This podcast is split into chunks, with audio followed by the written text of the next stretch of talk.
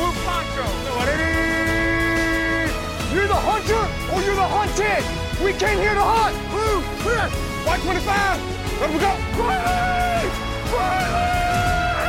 You know what time it is? Ja, då säger jag hej och hjärtligt varmt välkommen till Bollen är oval avsnitt 136. Dan före dan före dopparedagen sitter jag här i min ensamhet och tänker på amerikansk fotboll. Äter eh, märklig brittisk lakrits i olika färger. För det är gott, tycker vissa. Jag gör så gott jag kan för att njuta. Jag tycker den är fin att titta på åtminstone. Eh, snart är jul.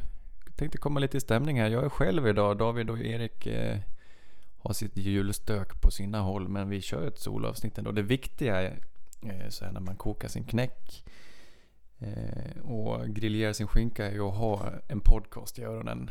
Vem behöver umgås med sin familj när man kan lyssna på Eh, eh, obskyr eh, hobbypodcast om amerikansk fotboll? Det, det undrar jag. Jag tänkte eh, tända ett ljus här. Agera lite Arne Weise. Kommer vi i stämning eh, för att prata fotboll. Jag tänker också bara påminna nu när det är jul att eh, det viktigaste med julen är kärleken. Visa kärlek till varandra, visa kärlek till dig själv.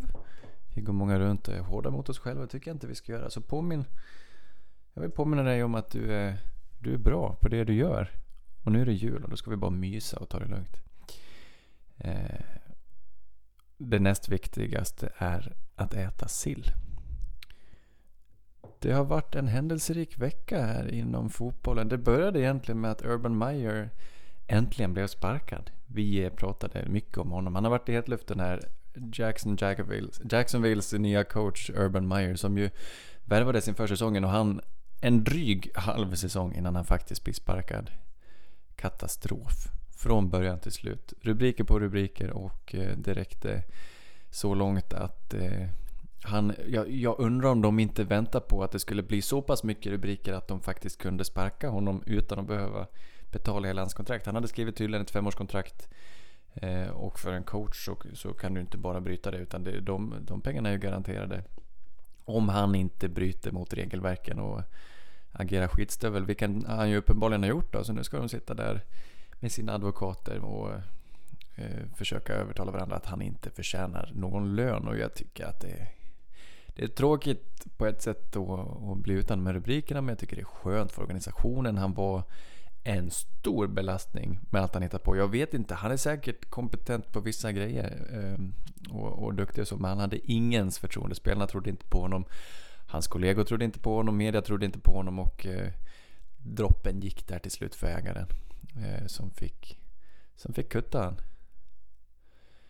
Eh, och jag vet inte vart de ska ta vägen riktigt. Eh, många tänkte att nu tänder de till och, och vinner matchen i helgen. De mötte Texans, men de åkte på torsk där också. Så det finns inte så mycket att hämta i det här laget. Jag tror inte det är en attraktiv plats heller för någon coach att vilja till. Det kan bli lite svårt att hitta en, eh, en ersättare. Eh, men å andra sidan en, en lovande rookie QB som inte har visat något hittills men som någon eh, säkert vill sätta tänderna i. Det finns några lediga platser nu här i NFL, coacher som har blivit av med jobbet. Det, det, det, det blir alltid en cirkus, det är alltid kul att prata om det lagom till, till slutspelet. Att vissa lag faktiskt behöver fylla på med nytt folk. Eh, Vid eh, torsdagsmatchen som kanske var veckans mest underhållande match, en av säsongens mest underhållande matcher egentligen. Chiefs eh, åkte till Chargers och det var spännande från början till slut egentligen. Det var, det var Chargers som, som styrde.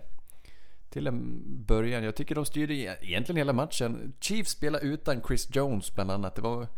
Covid har ju slagit till ordentligt hela veckan egentligen. Många lag är drabbade. Cleveland Browns kanske allra hårdast, eh, vilket nog ledde till att de till och med torskade till slut mot Raiders. De kunde inte starta eh, många av sina bästa spelare, men för Chiefs del så var Chris Jones borta, deras defensiva tackle. För Chargers del så var Rashawn Slater borta den här matchen. Men jag tror den största förlusten måste ha varit Chris Jones på Chiefs sida, för Chargers, kanske ovanligt nog, kunde faktiskt eh, tugga mycket klocka och eh, hantera matchen på marken på, på sätt och vis. Med, med ett självförtroende som jag inte har sett hos Chargers på länge. Och det var ro, roligt att se och de förde eh, matchen och eh, drog ifrån stundtals. Men Chiefs hängde liksom i och det gick aldrig att riktigt stänga dit dem. Och eh, Chargers gjorde många misstag och tapp, de lämnade många poäng på bordet kan man säga. För de tog sig in till Red Zone men konverterade inte alltid där. Och det har varit en del diskussioner för de har ju varit aggressiva Chargers ledda av nya coachen Brandon Staley. Eh, med, som som har den parollen att vara aggressiv i i stort sett alla lägen. De eh, går för på fourth down mer än något annat lag vill jag säga och tror på sig själva och eh, hela laget är liksom eh, ense om att detta är deras strategi. Och i den här matchen så, så missar de ett flertal viktiga fourth down conversions långt ner i en alltså riktiga touchdown-möjligheter. Och lämnar istället bollen över till Chiefs. Och till slut så är det ju väldigt jämnt och då kan väl den... Eh, då, då är det väl lätt att säga kanske att hade du bara sparkat ett field goal eh, där istället så hade ni vunnit matchen. Och det, det är möjligt och i efterhand är det så. Men å andra sidan, senast de möttes så var det just det aggressiviteten på fourth down som gjorde att Chargers drog iväg lite extra och kunde faktiskt vinna första mötet mot Chiefs den här säsongen. Och jag stöttar fullständigt eh, den här strategin och jag tror de, de sätter två av fem försök. Ett tredje fångas av eh, Donald Parham, deras tight end, men han slår i huvudet i backen och tappar bollen och det såg rätt otäckt ut faktiskt. Han krampade på vägen ut, men han var bra nu. Slog i huvudet rätt rejält där. Chiefs eh, håller då som sagt efter, missar i, i sin tur en viktig fourth down, eh, alltså på typ en yards linjen har en öppen eh, receiver, Patrick Mahomes, som han, han bara missar bollen. Han tappar greppet om bollen och kastar den i backen. Justin Herbert var den bättre QB'n den här matchen. Jag tror de flesta kan vara överens om det. Och eh, det är så härligt inför framtiden att det finns en, både en Justin Herbert och en eh, Patrick Mahomes i den här divisionen AFC West. Det är så roliga matcher och Chargers eh, är verkligen den här säsongen minst lika bra som Chiefs och de håller jämna steg och det är kul att se dem spela med det här självförtroendet. Eh, synd, blytungt att gå hem med en förlust med tanke på eh, situationen inför slutspelet. Chargers riskerar ju faktiskt missa slutspelet medan Chiefs nog ganska betryggande säkrar sin plats och just nu håller första sidan och en playoff bye i första eh, slutspelsveckan. Eh, så de grämer sig nog rätt ordentligt att de inte vinner den här matchen som jag tycker att de faktiskt för Chargers. Men å andra sidan, Chiefs är inte ovärda att vinna eh, och framförallt matchens lirare Travis Kelce förstås. Eh, har haft en tuff säsong, kanske lite hjärnspöken, tappat en del bollar, både han och eh, Tyreek Hill ju. Men den här gången var han dominant. Över 100 yards efter att han fångat bollen totalt den här matchen. Och det är han som stänger matchen i Eh, förlängningen på en pass från eh, eh, Patrick Mahomes där han bara springer ifrån alla försvarare och Chiefs går hem med vinsten. Det är symptomatiskt. Chiefs är ett vinnande lag och Chargers ett förlorande lag traditionellt och det blev så den här gången också. Men Chargers är verkligen på väg upp och ska bara ta med sig positiva saker från den här matchen. Väl, väldigt roligt och jag vill se Chargers i slutspel. Lite matcher på lördagen, bland annat eh, Pats Colts va? Om inte det var den enda matchen, det var ju lite matcher som sköts upp också. Eh, Patriots åker till Colts, åker på däng jag ska säga det, Chiefs vann 34-28. Patriots förlorar mot Indianapolis Colts med 17-27. Och det var en, som, vilket vi trodde på förhand, jag och David, eh, hård, tuff batalj som utspelar sig främst på marken. Jag tror Carson Wentz, QB'n i Colts, har totalt fem completions i den här matchen. Där de vinner med och eh, sätter dit 27 poäng. Det är verkligen på marken Colts spelar Jonathan Taylor, deras lysande andraårs running back bakom den här tuffa offensiva linjen och eh, de tuggar sig förbi Patriots och dominerar egentligen på bägge sidorna i diket. Jag tycker defensiva linjen lyckas stänga ner Patriots springspel ganska bra. Patriots som den här matchen är utan sin kanske i mitt tycke bästa running back Damien Harris. Eh, och eh, Colts vinner ganska tryggt ändå till slut. Men de, gör ju verkligen match av det, Patriots, och, och jag är... Nu kanske det här är matchen där vi ser Mac Jones, Patriots nya QB, deras rookie-QB, Vacklar lite och visar sina brister och han gör självklart inte sin bäst, bästa match. Han kastar två onödiga interceptions men å andra sidan är han den bättre kuben i matchen. Carson Wentz sög. Eh, Mac Jones visar hunger, han visar mental styrka. Jag tycker de, de kommer ju ändå tillbaka. Colts leder med 20-0 och Patriots eh, förmår ju skapa 17 poäng till slut. Eh, Mac Jones visar sån lite grit tycker jag och eh, ska ha all cred. Matchen svänger ju lite slumpartat. Eh, han har en klockren boll ut med vänster sidlinje till Jacobi Meyer som får den rätt i händerna men tappar den och jag tror det är spelet efter som Colts blockar en pant och eh, drar iväg där. Eh, så... Ja, det är mycket som gick Indianapolis väg. Det var då, de, då, då drog de iväg till 14-0 och jag undrar om inte det på något sätt sätter prägen på matchen och Patriots kan inte komma tillbaka. Jag är ja, jag blir lycklig av sådana här matcher. Jag tycker det var väldigt underhållande. Jag tycker eh, eh det är två lag som, eh, när vi ändå pratar om det, faktiskt också har i slutspel att göra. Det var, det var en kul matchup och underhållande fotboll. Bill Belichick var sur. Men eh, jag tycker de, de drar bra lärdom av, av det och eh, ska gå vidare med, med huvudet högt. Eh, tredje matchen jag vill prata om veckans stora överraskning förstås är att Arizona Cardinals åker till Detroit och får smisk. De får pisk av, eh, av Dan Campbells Detroit Lions som ju innan detta bara vunnit en match den här säsongen, spelat lika en gång.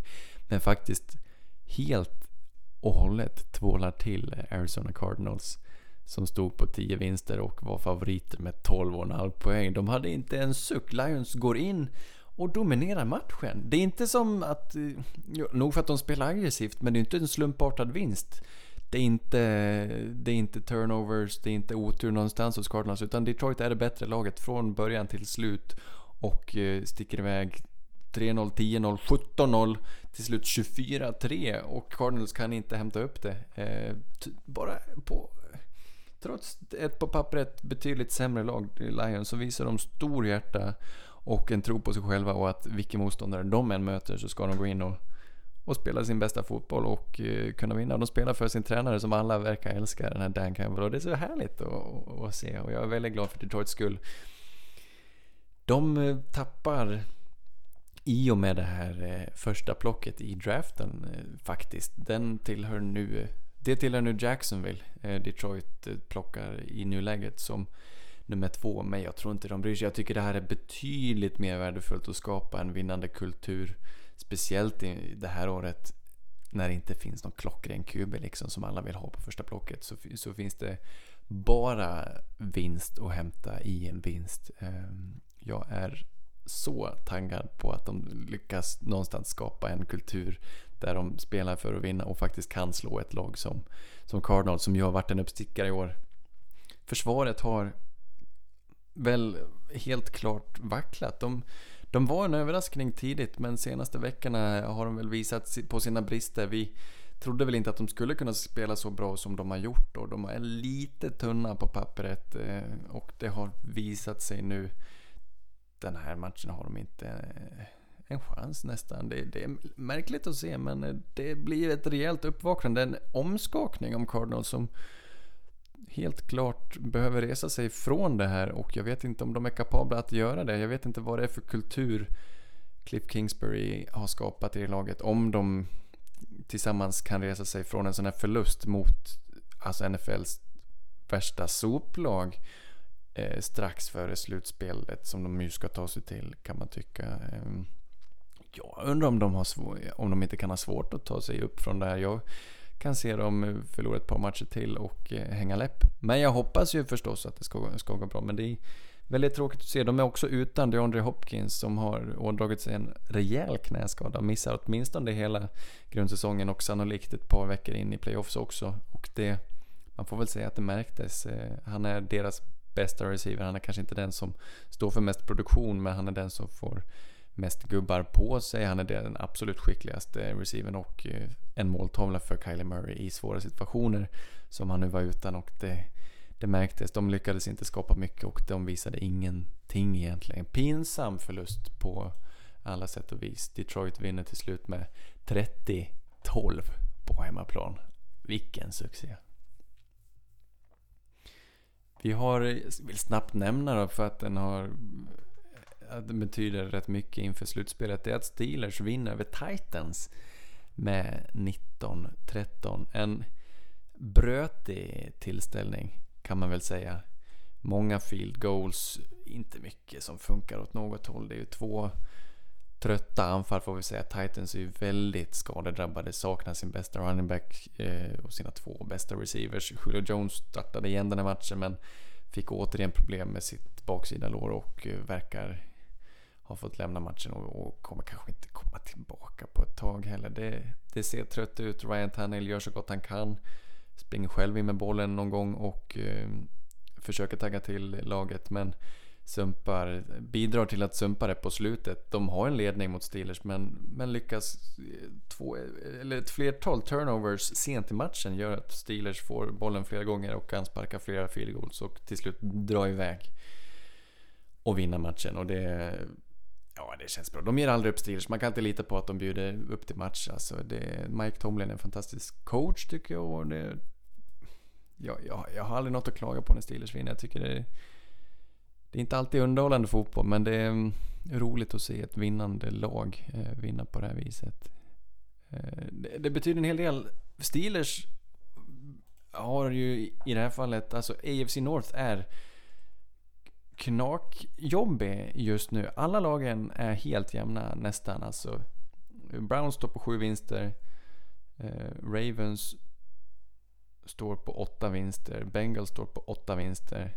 Och Steelers står nu också på sju vinster. Den är fortfarande vidöppen och det betyder så mycket för Steelers att få vinna den här. Medan Titans alltså inte helt kan känna sig trygga med att gå hem med segern i AFC South. Där Colts helt klart eh, tenderar spela och, och vinna och, och trendar åt rätt håll får man väl säga. Medan Titans har det, har det rätt tufft och Colts skulle faktiskt kunna med några segrar och några förluster på Titans sida gå förbi och ta hem divisionen. Men det ska ju förstås eh, rätt mycket till. Titans har fortfarande 94% sannolikhet åtminstone att ta sig till slutspel, vilket måste kännas eh, betryggande. Ja, en annan brötig tillställning var, var Broncos mot Bengals i djungeln i Cincinnati. Märklig tillställning alltså. Ganska trög till en början. Helt klart. Eh, allting hände på något sätt sent i tredje kvarten. Och eh, Teddy Bridgewater tyvärr drar, ådrar sig en ordentlig hjärnskakning och får åka till sjukhus. Eh, Drew Locke kliver in, det är backup-QB då i Denver Broncos och spelade hyggligt liksom. Drämmer till med en touchdown till Tim Patrick eh, sent i tredje kvarten. Men Bengals och Joe Burrow svarar omedelbart med, med en annan touchdown. Och eh, när Denver sen, början på fjärde tror jag det var, liksom går ner mot Redzone igen, Drew Lock har tagit dem dit, så, så, så, ry, så rycks bollen från han. Det är Khalid Kareem på Bengals defensiva linje som står för en helt underbar turnover och eh, faktiskt kanske vänder matchen. Och, och det, det, det, här, det är liksom den viktigaste händelsen i den här matchen, den här turnovern. Och jag tycker att sen Sen händer ingenting mer. Jag tror det står 15-10 och sen skapas det inga poäng i fjärde kvarten och Bengals vinner till slut. med 15-10 mot Broncos. Också stora implikationer för slutspelet där. Bengals som ju nu, i och med segern faktiskt går upp i tät i AFC North. Eh, och har ett, alltså ett intressant lag. Ett lag med potential och framförallt ett anfall med fantastisk potential som återigen inte skapar så mycket som de kanske borde skapa. Joe Burrow spelar fantastisk fotboll. Han har mycket, många bra vapen att kasta till. Men han tillåts inte riktigt kasta så mycket som han borde. Och eh, ja, de riskerar ju fortfarande. De, de har inte alls... Eh, kan inte alls känna, känna någon trygghet att gå till slutspelet här.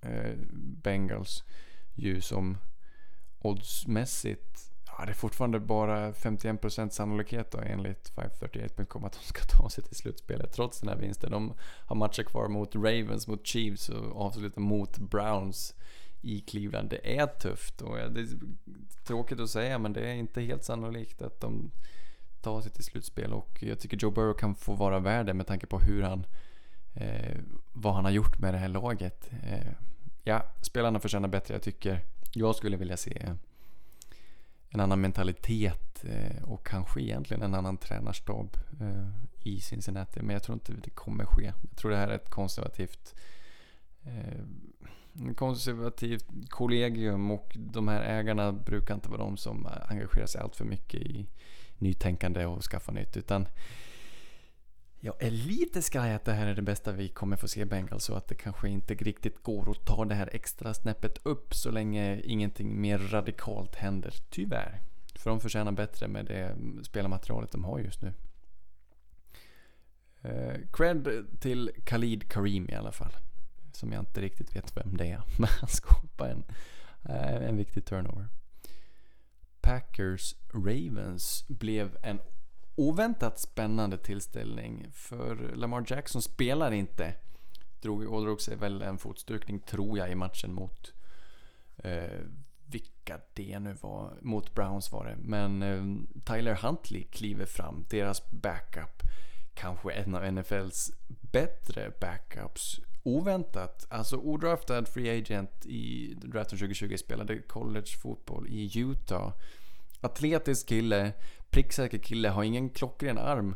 Men eh, han kliver in och har fått göra det vid ett par tillfällen den här säsongen och får jag säga det, spelar bättre fotboll än Lamar Jackson just nu. Ger dem större möjligheter att vinna just nu. Eh, riktigt fin prestation eh, faktiskt. Många pärlor till Mark Andrews som får anses vara matchens lirare. Mark Andrews och Aaron Rodgers kanske. Men Mark Andrews tight end i Baltimore Ravens är helt fenomenal och totalt dominant i den här matchen. Han är helt, alltså nästan 100% av Baltimore Ravens anfall och tar i stort sett varenda eh, boll som kommer till honom och har ett par touchdowns och det räcker nästan hela vägen. De, de, de går jämna steg eh, hela matchen igenom egentligen, både Ravens och, och Packers här. Eh, och byter touchdowns och Packers drar iväg lite på slutet men, och leder till slut med 14 poäng. Men Ravens tar sig ändå tillbaka och eh, tragglar sig eh, till en situation där de faktiskt kan kvittera eller avgöra matchen och väljer då att gå för två poäng igen. Vi såg ju faktiskt det hända bara här en veckan att Ravens är på väg att ta sig tillbaka i en match och går för två poäng för att vinna matchen istället för att ta den till förlängning. Och misslyckas och förlora matchen. Och den här gången händer det igen alltså. Det är eh, rätt galet får jag säga. De, och, och, och, den här... Jag älskar ju när eh, tränare är aggressiva. John Harbaugh är en sådan. John Harbaugh är minst lika aggressiv som Brandon Staley. Eh, och var det innan Brandon Staley började vara aggressiv. John Harbaugh var väl han vi som kanske startade hela den här grejen när vi eh, började bubbla om och, och gå för det på fourth down vid tillfällen som man traditionellt sett inte brukar göra det. Men eh, det som man har börjat göra när du just ligger under med 14 poäng och gör din första touchdown eh, i, längs vägen tillbaka är att gå för två poäng den gången. För att potentiellt då bara ha sex poäng upp. Eh, och då kunna vinna matchen. Skulle du då missa så, det, så vet du vad du måste göra. Du måste göra, gå, gå för två poäng nästa gång eh, på din nästa touchdown. Men den här gången så går han för en poäng vid första touchdown så att det blir eh, så att han ligger under med sju poäng och sen hamnar i den här situationen där han går för två på sin andra touchdown. Vilket, vilket jag tror många ifrågasätter den här gången och med rätta. Ja, det, det var nog rent analytiskt inte rätt väg att gå. Eh, och det måste kännas ganska tungt att förlora två matcher så här snävt på samma sätt eh, på samma säsong. Eh, Ravens har det tufft, har förlorat flera matcher på rad nu. Eh, men å andra sidan, all cred, all heder till Ravens som är otroligt skadedrabbade. Inte bara Lamar Jackson. Deras secondary saknar ju väldigt många gubbar. Och flera av dem är borta resten av säsongen. Men håller jämna steg mot Green Bay Packers, kanske NFCs bästa lag. Och vi lyckas nästan vinna matchen. All heder till Tyler Huntry. Mycket roligt. Mycket, mycket roligt. Avslutningsvis. Saints åker och spelar fotboll mot eh, Buccaneers då. Eh, riktiga underdogs alltså. 10-11 poäng. Det, det, 11,5 poäng till slut. Eh, Tampa Bay tippade vinna med. Men blir alltså nollade. Saints vinner 9-0. Glömde säga det, Packers vann till slut med 31-30 mot Ravens. Men Saints nollar alltså Tom Bradys Buccaneers. Tom Brady har inte blivit nollad i en match på 15 år. Där har vi veckans eh, mening. 15 år sedan. Men har sedan han dök upp här i NFC South i samtliga matcher eh, under grundsäsongen mot Saints torskat.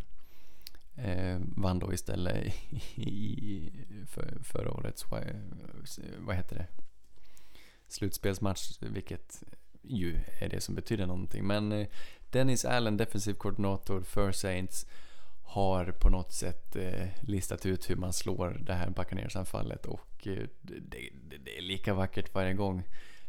Otroligt osannolikt att man ska lyckas nolla dem på det här viset, Buccaneers som skapat alltså 20-30 poäng 4-5 raka matcher och lägger här en nolla till protokollet.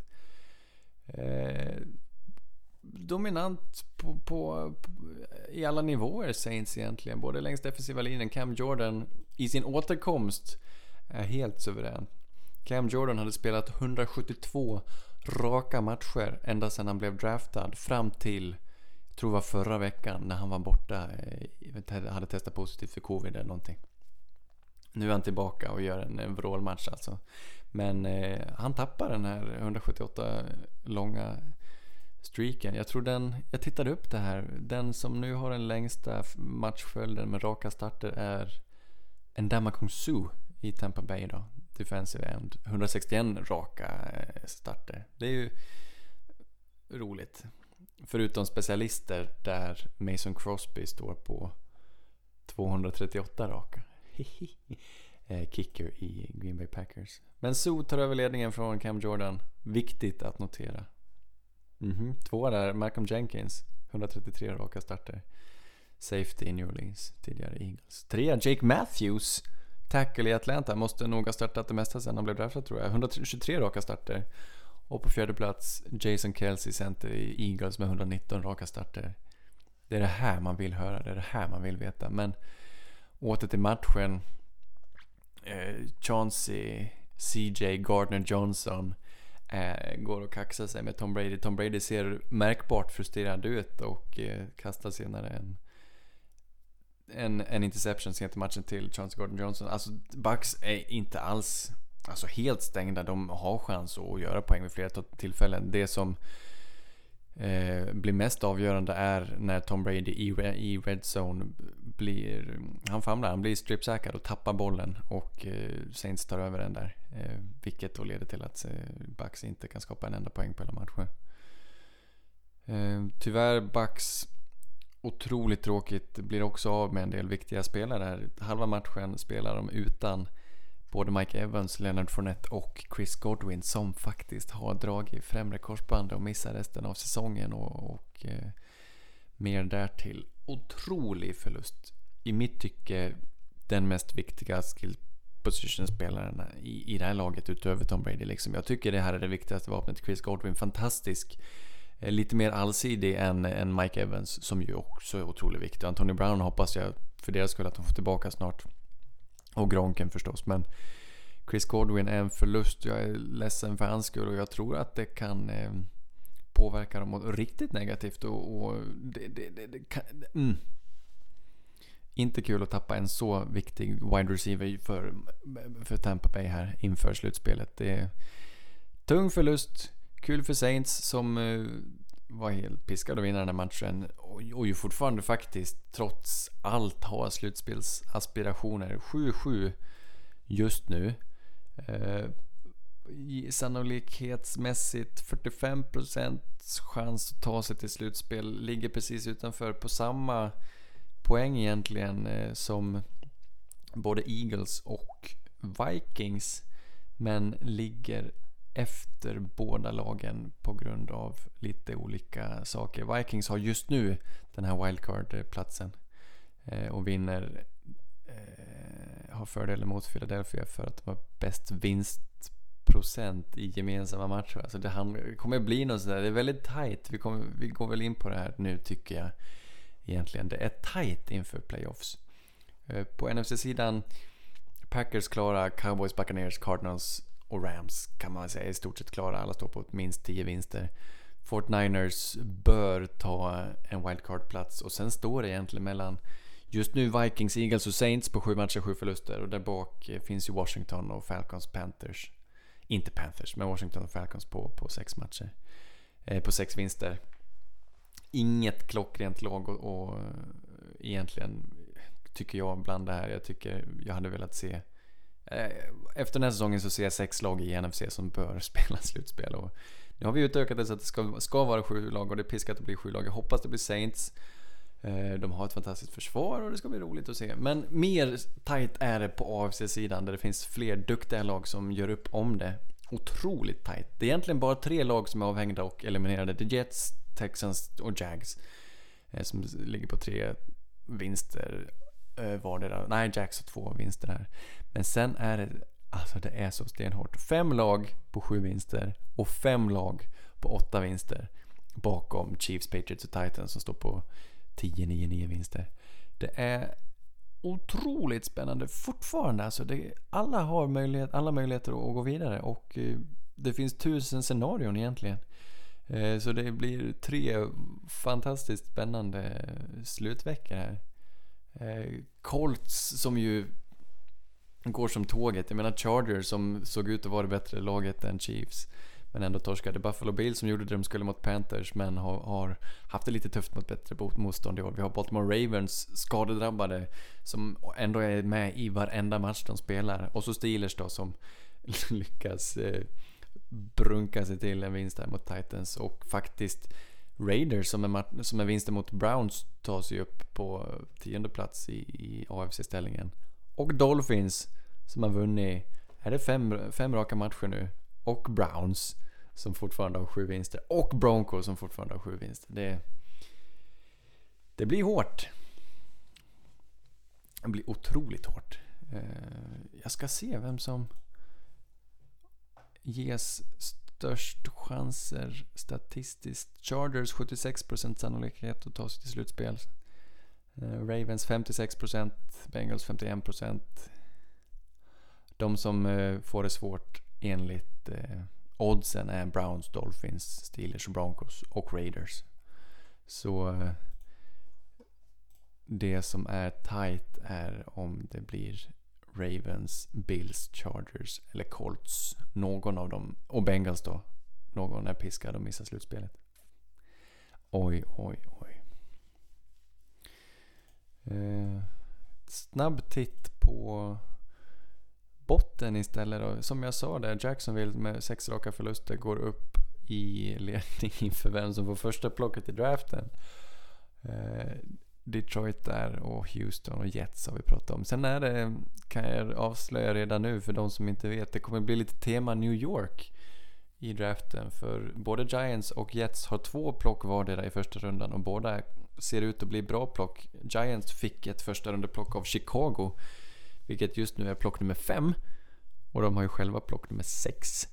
Medan Jets har Seattles första plock, vilket just nu är plock nummer 8. medan de själva står på plock nummer 4. Så just nu eh, kommer både Giants och Jets plocka två gånger vardera i topp 10. Det kommer bli mycket snack, kan jag lova, om detta. Jag tycker, jag tycker det är roligt. Eh, nästa vecka, vi tittar, det är alltså tre veckor kvar. Och jag plockar upp schemat här. Torsdagsmatchen, dagen för julafton, imorgon kväll. Titans tar emot Fort Niners. Viktigt, viktigt. Eh, jag ser Fort Niners som favoriter här. 3,5 poäng eh, enligt oddsen har de. Ehm, Titans på grund av sina skador tror jag inte riktigt kan mäta sig. Fort Niners går från klarhet till klarhet. Har äntligen, de får äntligen vara skadefria ju. Och deras anfall går som tåget. Fysiskt fysiskt anfall med många härliga stjärnor. Alltså även nya stjärnor. Både Brandon Ayuk som hade en liten tafflig start på säsongen. Andra års receiver. Spelade college i... Var det Arizona? Jag kommer inte ihåg. Då. Men eh, ser bra ut och ett bra komplement till Debo och George Kittle som är hel. När de får vara hela så är de farliga och kommer bli farliga i ett slutspel och jag tror de vinner den här matchen också. Dock bortaplan då. Vi har Browns Packers, viktig match på torsdag. Och Colts Cardinals också. Eh, sa jag torsdag, jag menar lördag alltså. På juldagen. När ni är mätta och glada så ska ni titta på Browns Packers där sent på kvällen.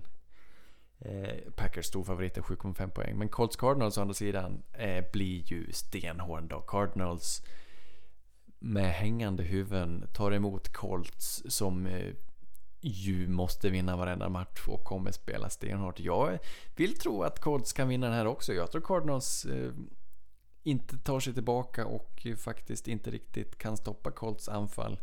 Som ju dock och förstås har sina brister i och med att Carson Wentz eh, just nu spelar ett kass, vårdlig och farlig fotboll. Men kan man bara hålla det tryggt och inte släppa till för mycket bakåt och tugga mycket klocka så tror jag man ska kunna slå Cardinals. Men glöm inte Kylie Murray. Alltså, de har ju ett mer explosivt anfall. Dock utan DeAndre Hopkins. Arizona knappa favoriter, en och en halv poäng. Jag säger att Colts faktiskt tar den här. Söndagssvängen. Eh, Falcons tar emot Lions. Panthers tar emot Buccaneers. Bengals tar emot Ravens. Stenhårt. Båda lagen 8, eller 8 vinster, 6 förluster. Bengals leder just nu divisionen. Favoriter 2,5 poäng, men Tyler Huntley vet vi är farlig nu då. Kuben i Ravens. Om inte Lamar Jackson till och med är tillbaka, det vet vi nog inte än. Eh, ja, det blir en batalj alltså. Ravens har en bättre coachning och jag säger att trots att Cincy här tycks vara favoriter med 2,5 poäng ser jag Ravens som, som vinnarna faktiskt. För de de har en, en annan kultur, en annan mentalitet. Bengals har ett, kanske ett bättre material och vann ju ganska tydligt första mötet den här säsongen om jag inte minns fel. Men Ravens tror jag ändå när det betyder så mycket i slutet av säsongen kan ta sig tillbaka. Det blir en på förhand väldigt kul match. Jag sätter min slant på Ravens ändå faktiskt. Som då kanske tar tillbaka ledningen i AFC North. Eh, Texans tar emot Chargers. Vikings tar emot Rams. Viktigt för Vikings. Så att, eh, den måste de vinna även om det nog blir svårt. Eh, för att möta Matthew Stafford igen. Roligt. Eh, Los Angeles är knappa favoriter. Tre poäng. Mm. Patriots eh, Bills rematch i Foxborough. Patriots knappa favoriter. 2,5 poäng. Bills förstås Piskade att vinna. Men har kanske råd att förlora också. För de har två ganska på förhand lätta matcher sen att avrunda säsongen med. Men kan de vinna här så skulle det betyda allt. Det skulle betyda allt för självförtroendet och eh, jag ger dem alla chanser. De har den bättre QB'n förstås. Medan Patriots eh, har det mentala övertaget. Oh, det här blir roligt alltså. Eh, förra matchen förstördes lite av det taskiga vädret och jag hoppas att eh, förutsättningarna kan vara lite snällare här så vi kanske får se lite lite mer explosiv fotboll ändå. Eh, Hungret Bills som eh, kommer bjuda upp ja, det, här, det här är nog den på förhand roligaste matchen ändå. Annandagsbandy blir det. Kanske i kylan i eh, New England där. Nej, jag... Alltså med tanke på att Patriots vann mot Bills på Bills hemmaplan så vill jag säga att Patriots ska vinna här igen. Men å andra sidan undrar jag om inte Bills har en chans. Och en större chans när vädret tillåter. Eh. Nej, den är stentuff. Den är stentuff. Kanske att det mentala övertaget ändå vinner tyngst och att Patriots tar det av det skälet. Men jag låter det vara osagt. Jets tar emot Jaguars har väl... Ja, det, det, det, förutsättningarna som stod på spel är förstås eh, inför draften snarare. Men jag lägger inte så mycket vikt vid den här. Det blir Lawrence mot Wilson. Kul. Första plocket mot andra plocket. Två QB som spelar ett kast får man säga. Wilson eh, kanske kastas av dem alla. Eh, så det blir något att prata om sen. Vem som är minst dålig. Eagles står mot Giants. Eagles bör vinna den. Eh, Daniel Jones förresten, QB Giants, kommer inte spela på resten av säsongen. Nackskada, vet inte riktigt vad det handlar om.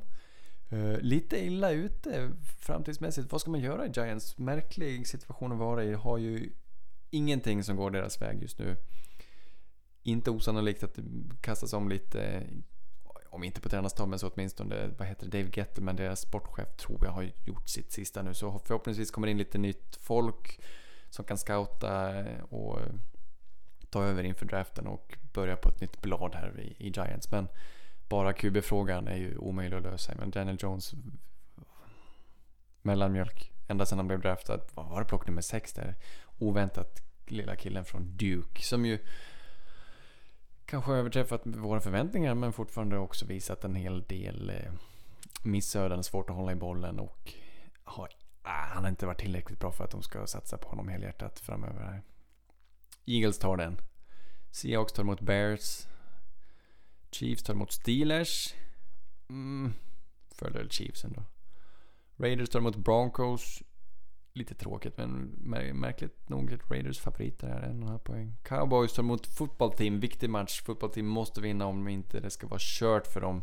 att Ta sig till slutspel men det är tufft. De har ju... De spelade in natten till idag va? Åkte på förlust mot Eagles. Var utan Taylor Heineke på grund av Covid. Cowboys har ja, framförallt spelat bländande försvarsfotboll och ska väl kunna vinna av det skälet också. Men jag vill se här Dak Prescott visa lite. Det har inte synts på länge nu. Eh, någon glöd i det här anfallet. Det har inte funkat riktigt. De har ju alla spelarna tillbaka. Länge var de utan en, eh, en Gallup till, till exempel och, och har haft en del skador. Men nu är de ju fulltaliga i stort sett och ska köra över folk men det har inte funkat.